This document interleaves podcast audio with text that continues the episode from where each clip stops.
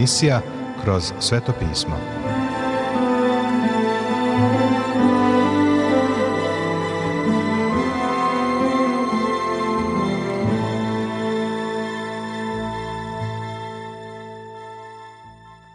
Dobroveče, poštovani slušaoci i dobrodošli u još jednu emisiju programa Kroz sveto pismo, programa koji je za vas napisao Vernon McGee, a pročitao Branko Bjelajac.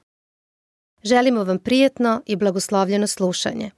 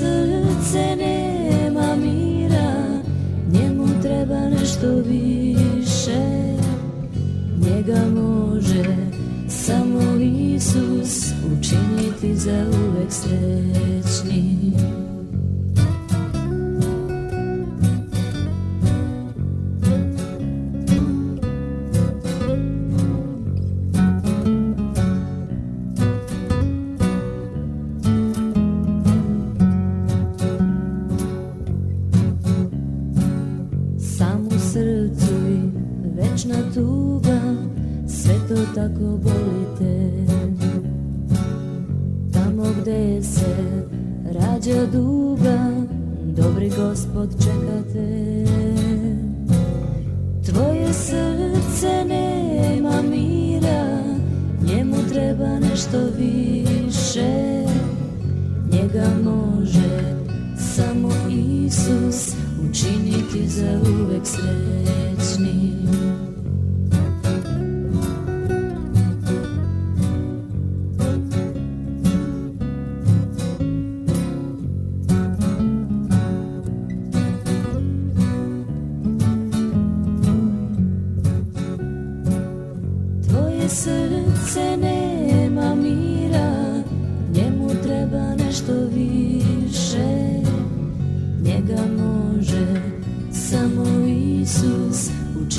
Za uvek srećnim Tvoje srce nema mira Njemu treba nešto više Njega može samo Isus Učiniti uvek srećnim Današnje proučavanje Svetoga pisma nastavljamo u Svetom pismu Novoga Zaveta u poslanici Titu i započinjemo naše razmatranje prvog poglavlja. Poglavlje prvo Tema Crkva je organizacija Uvod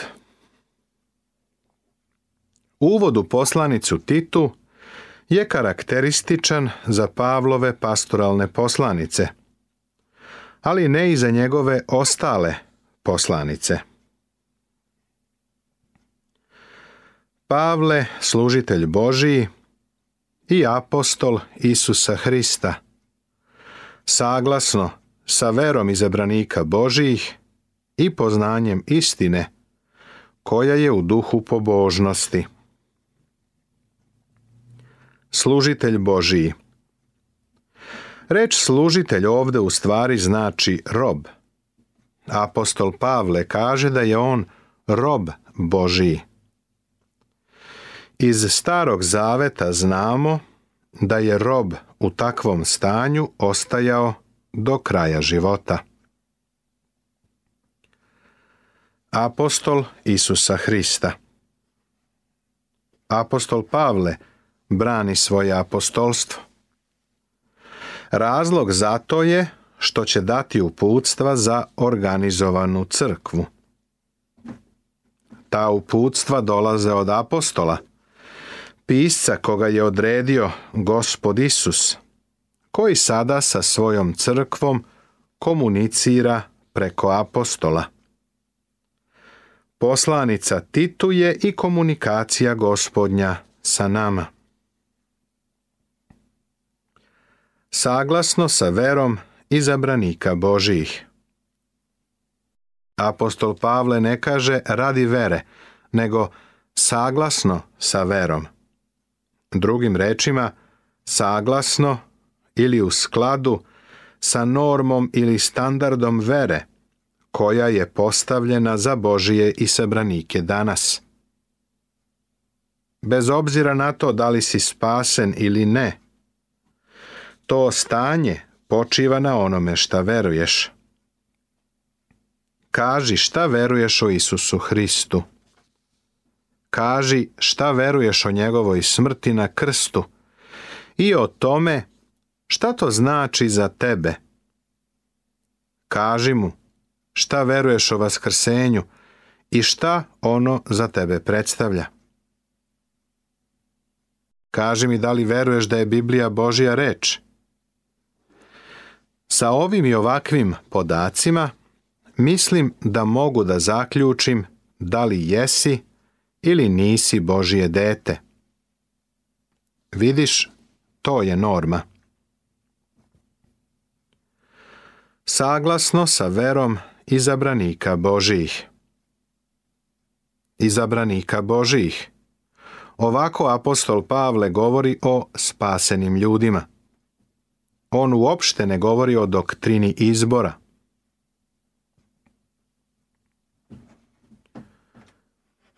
I poznanjem istine koji je u duhu pobožnosti.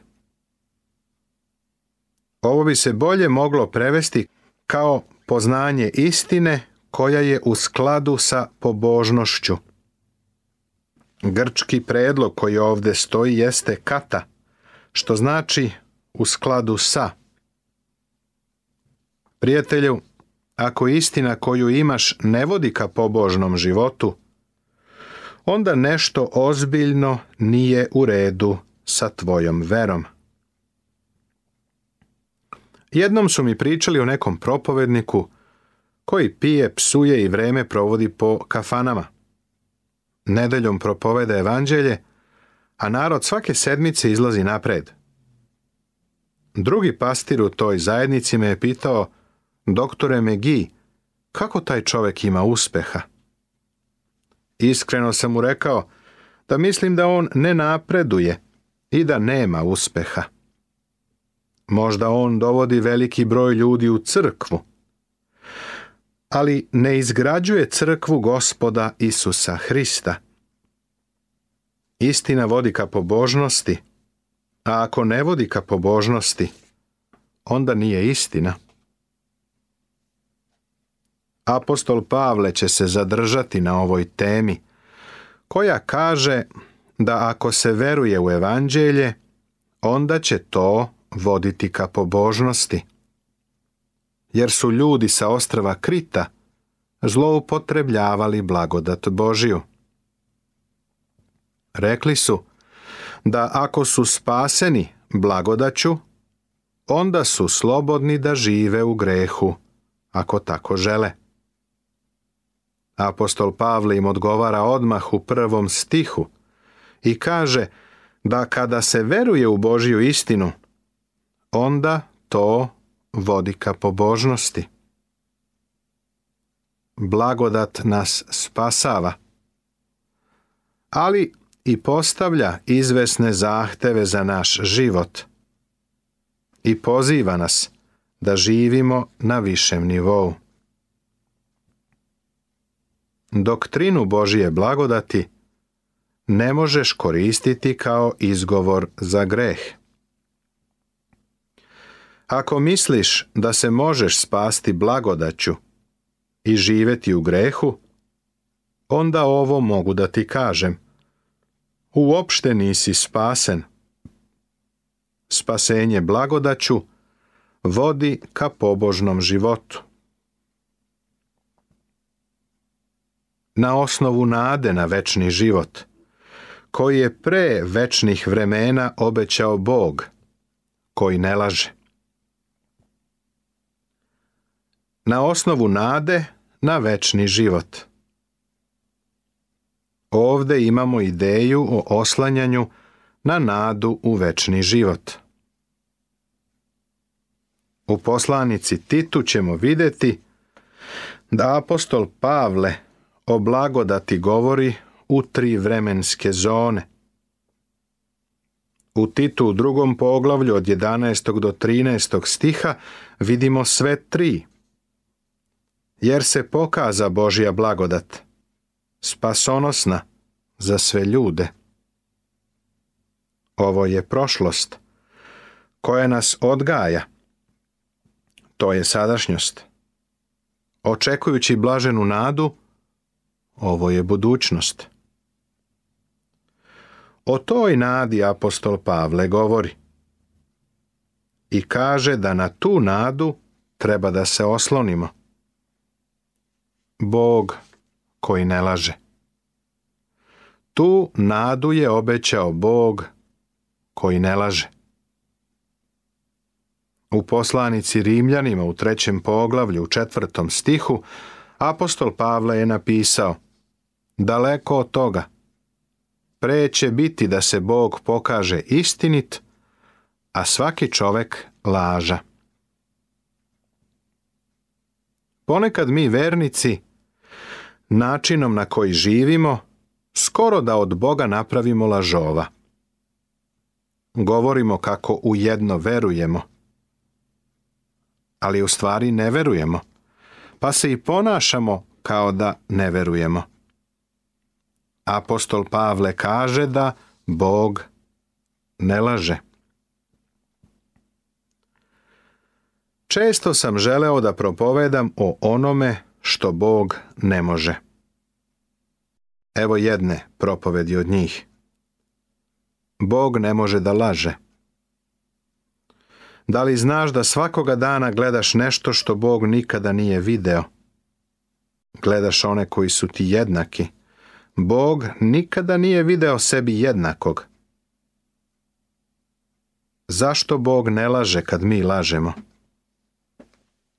Vidiš, možeš da činiš nešto što Bog ne može. Bog je veran samom sebi. On je svet i pravedan. To je njegova priroda.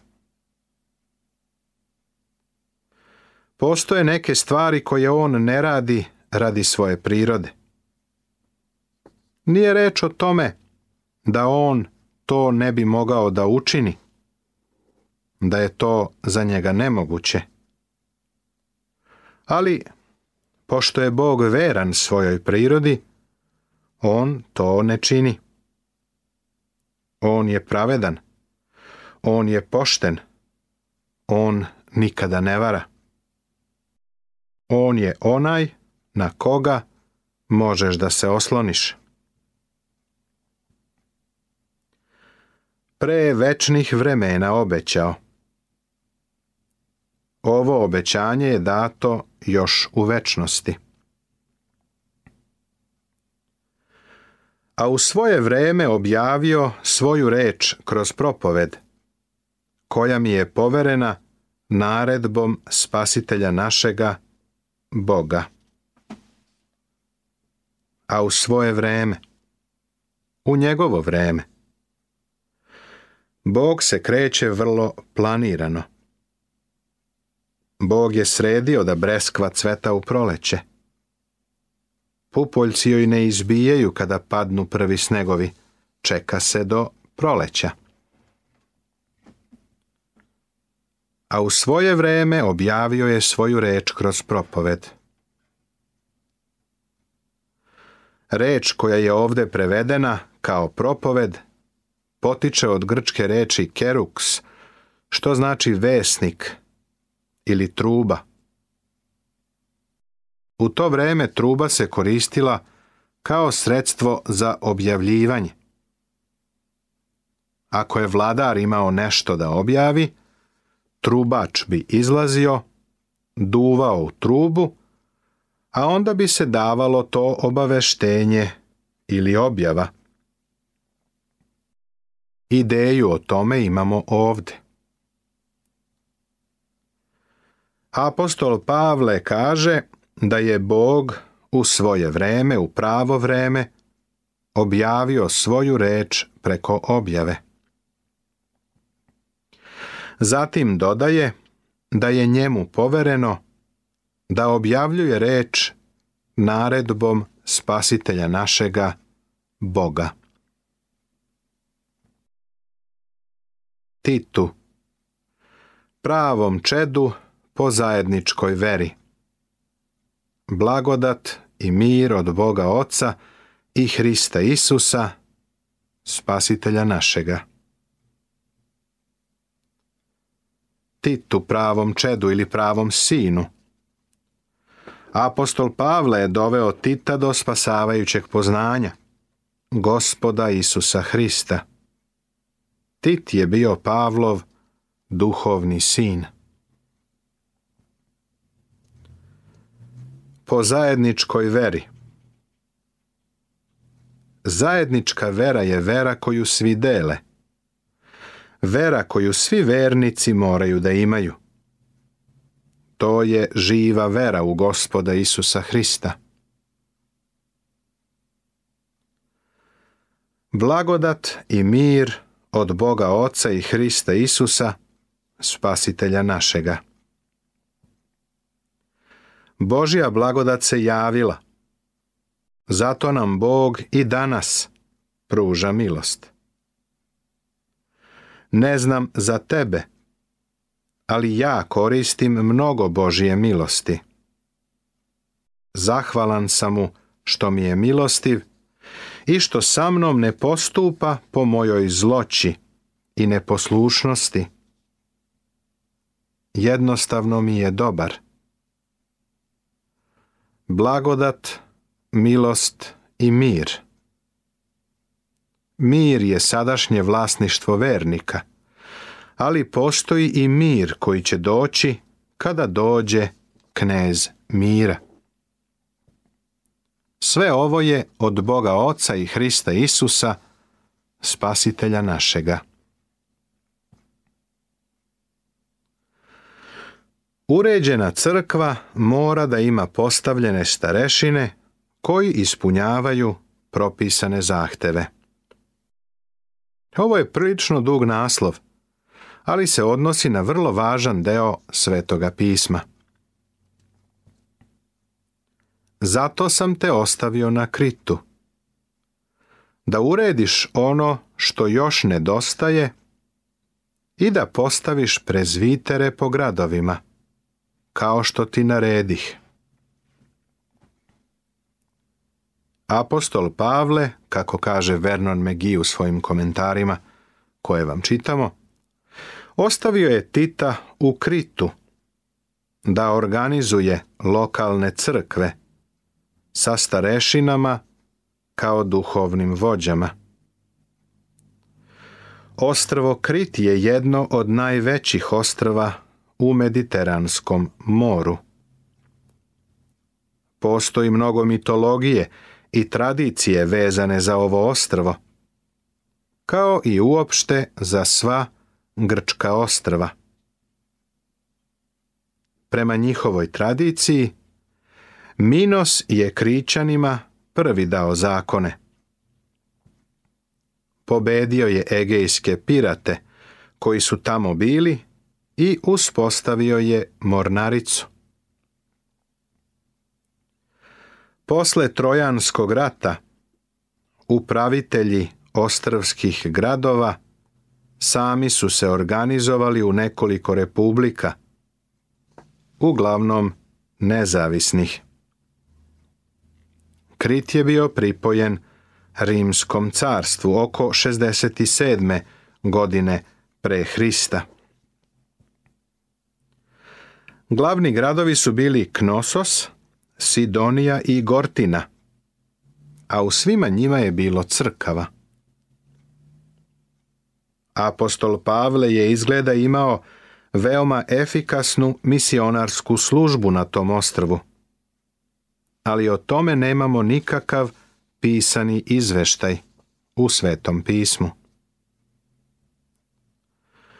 Ne postoji apsolutno nikakav dokaz – da je pre svog puta u Rim otišao na ostrvo Krit. Ali iz podataka koji su nam dati u ovoj kratkoj poslanici, usmereni smo da poverujemo da je bio tamo i da je ostavio Tita da organizuje crkve koje su on i Tit osnovali.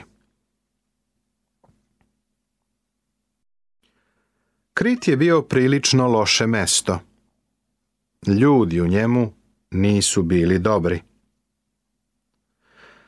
Sam apostol Pavle kaže da su bili lažovi. Ovo je sigurno bilo nešto po čemu su tada bili zapaženi. Postoji grčka reč kretizein koja znači govoriti kao krićanin, a to je bio sinonim za lažova.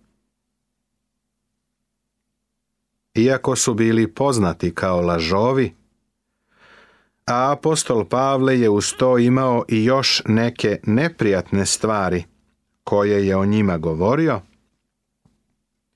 mnogi od njih su se obratili gospodu. Pa apostol Pavle piše Titu kako da organizuje njihove crkve. da urediš ono što još nedostaje i da postaviš prezvitere po gradovima. Dar starešine je dar ljudi u jednoj crkvi. Kada staviš ruku na glavu nekih ljudi i obaviš ritual, oni od toga neće postati starešine. Ali Verujem da je važno da se to uradi sa ljudima koji imaju dar starešine. Mislim da su crkve na Kritu imale starešine, ali da oni nisu bili postavljeni ili određeni za tu službu.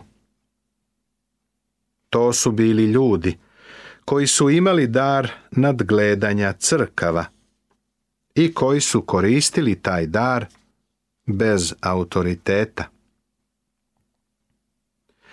Titu je kazano da postavi prezvitere, da ih postavi, da ih odredi po gradovima.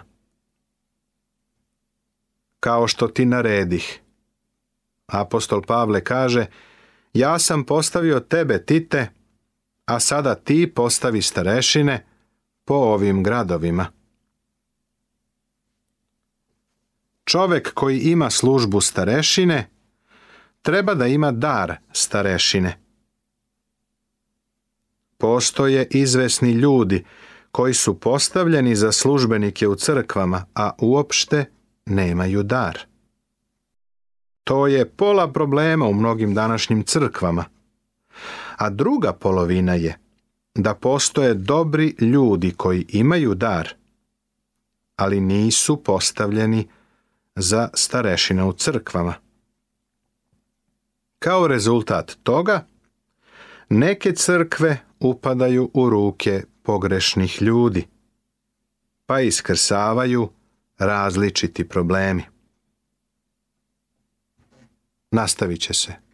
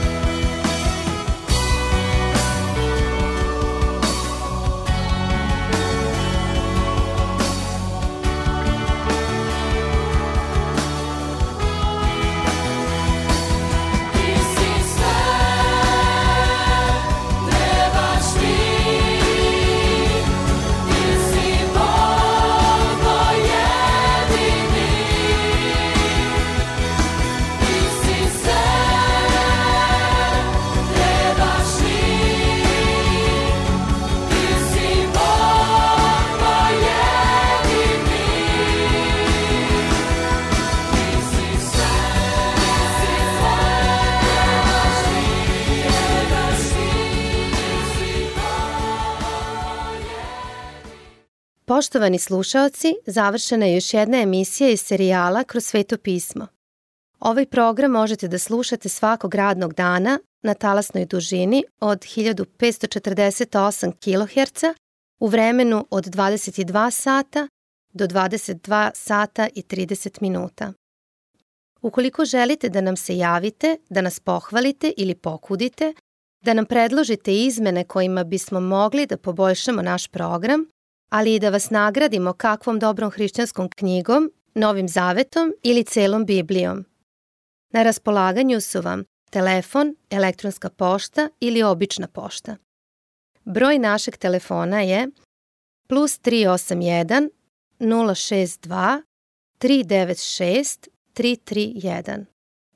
Adresa redakcije glasi Poruke, Poštanski fah 37 11060 Beograd. Elektronskom poštom nas možete kontaktirati na krosvetopismo at gmail.com. Također, pripremili smo vam i web stranicu na kojoj možete pronaći sve naše programe. Adresa web stranice je www.twr.com povlaka serbia.org.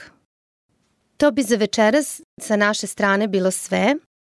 Pozdravljaju vas i žele vam Boži blagoslov Branko, Nebojša i Monika. Laku noć.